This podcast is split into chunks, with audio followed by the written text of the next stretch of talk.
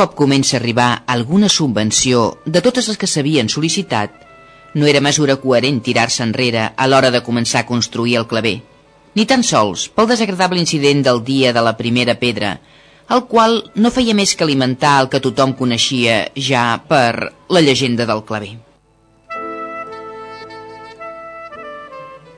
Totes aquelles entitats que havien fet propòsits pel claver davant del ministre ara giraven l'esquena a aquell espai buit. Però, què es podia fer? Aixecar una paret que envoltés aquell terreny i oblidar-se'n d'ell o cercar solucions?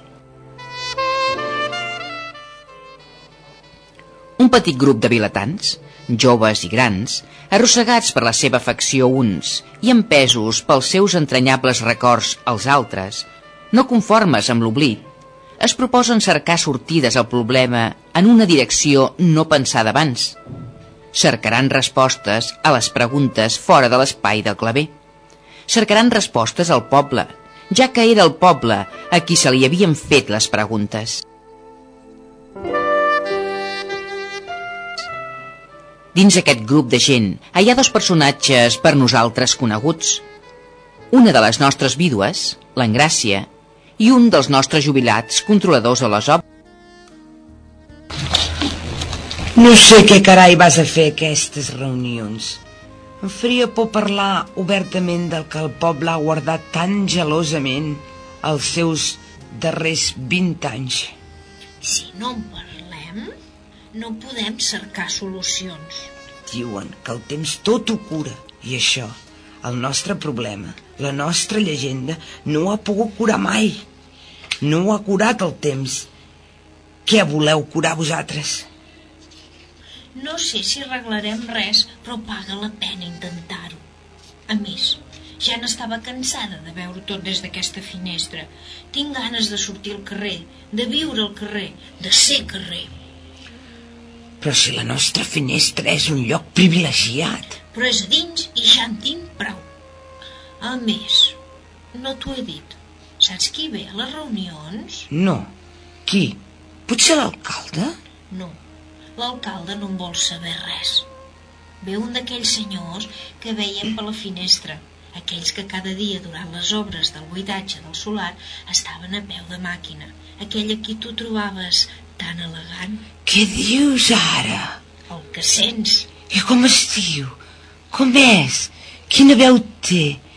Què diu? És simpàtic? Espera't, dona, espera't. No em facis tantes preguntes de cop.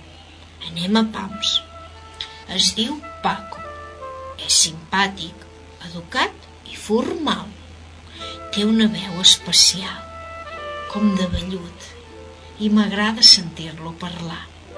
L'altre dia em va convidar a un cafè. A un cafè?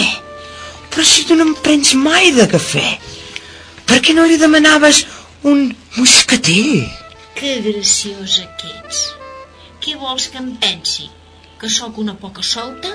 Era broma, era broma. I l'altre, que no hi va? No, no hi va. Diu en Paco que no és partidari que el nou teatre es faci en el seu emplaçament de sempre. Diu que l'Agustí, que és com es diu el seu company, creu que seria millor fer-lo a l'entrada de la vila, on hi ha més espai per aparcar. Es diu Agustí? Agustí? Sona bé, Agustí. Vols venir a les reunions amb mi? No, estic molt bé aquí, darrere la meva finestra. Però per què no els convides algun dia a prendre un cafè o un moscatell?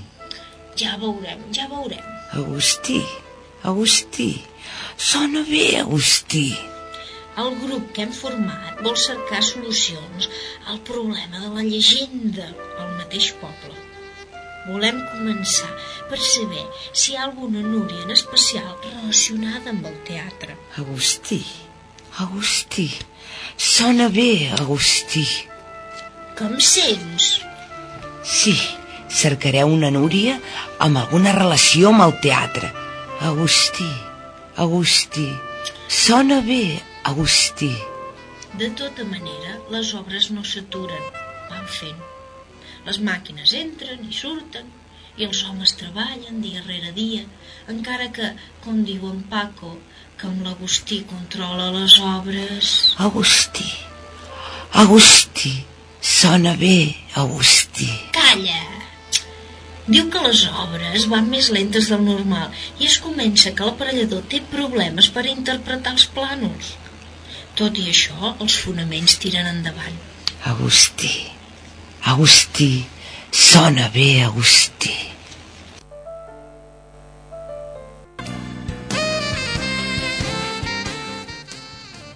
L'Associació d'Espectadors, potser la única entitat que manté la seva il·lusió en el nou claver, amb l'intent de fer promoció a la vila del que s'està fent en l'espai del claver, encarrega a un jubilat, molt hàbil i de reconeguda traça, la construcció d'una maqueta que fes més proper el projecte a la resta del poble.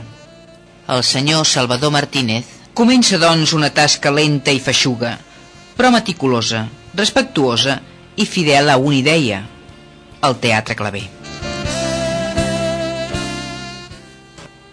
El grup de gent que procurava respostes a preguntes antigues, cercant en la memòria de la gent sobre altres fets estranys al poble els darrers anys, recull un fet al qual, malgrat no tenir relació amb el teatre, també restava sense explicació. Al cementiri, i sempre per tots sants, a la tomba d'un tal Josep, tordarenc, mort dins el teatre a mans d'un tal Lluís, i, proposades per algú aliè a la família, es trobaven sempre flors fresques.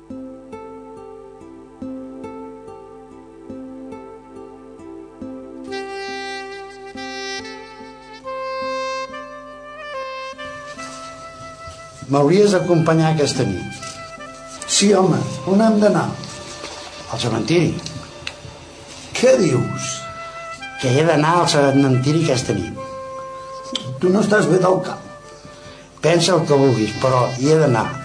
I em fa respecte, m'agradaria que m'acompanyessis. A mi no em fa respecte, a mi em fa por. Va, home, és un favor que et demano.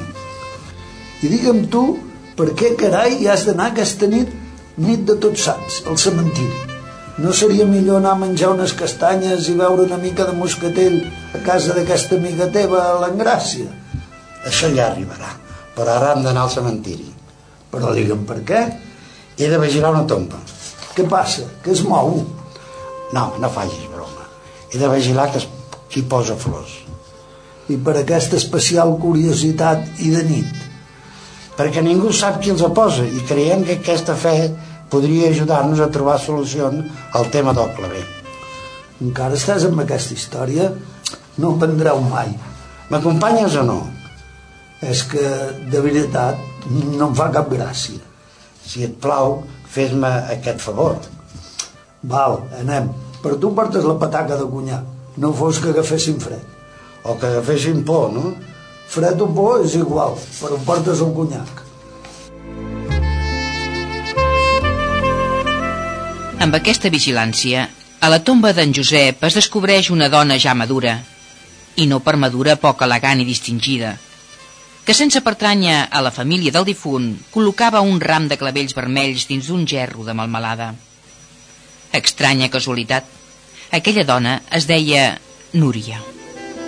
Sí, es deia Núria i vivia al carrer Santa Llúcia. Era de pell morena i amb una figura encara esbelta i atractiva malgrat el pas dels anys. Portava el seu cabell recollit al darrere, deixant al descobert una cara marcada per una estranya tristor. Ningú sabia per què no s'havia casat. Mai no li havien faltat els pretendents.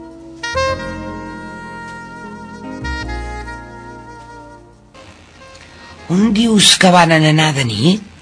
Al cementiri. Què dius? Com ho sents? Oh, és que són valents. Valents?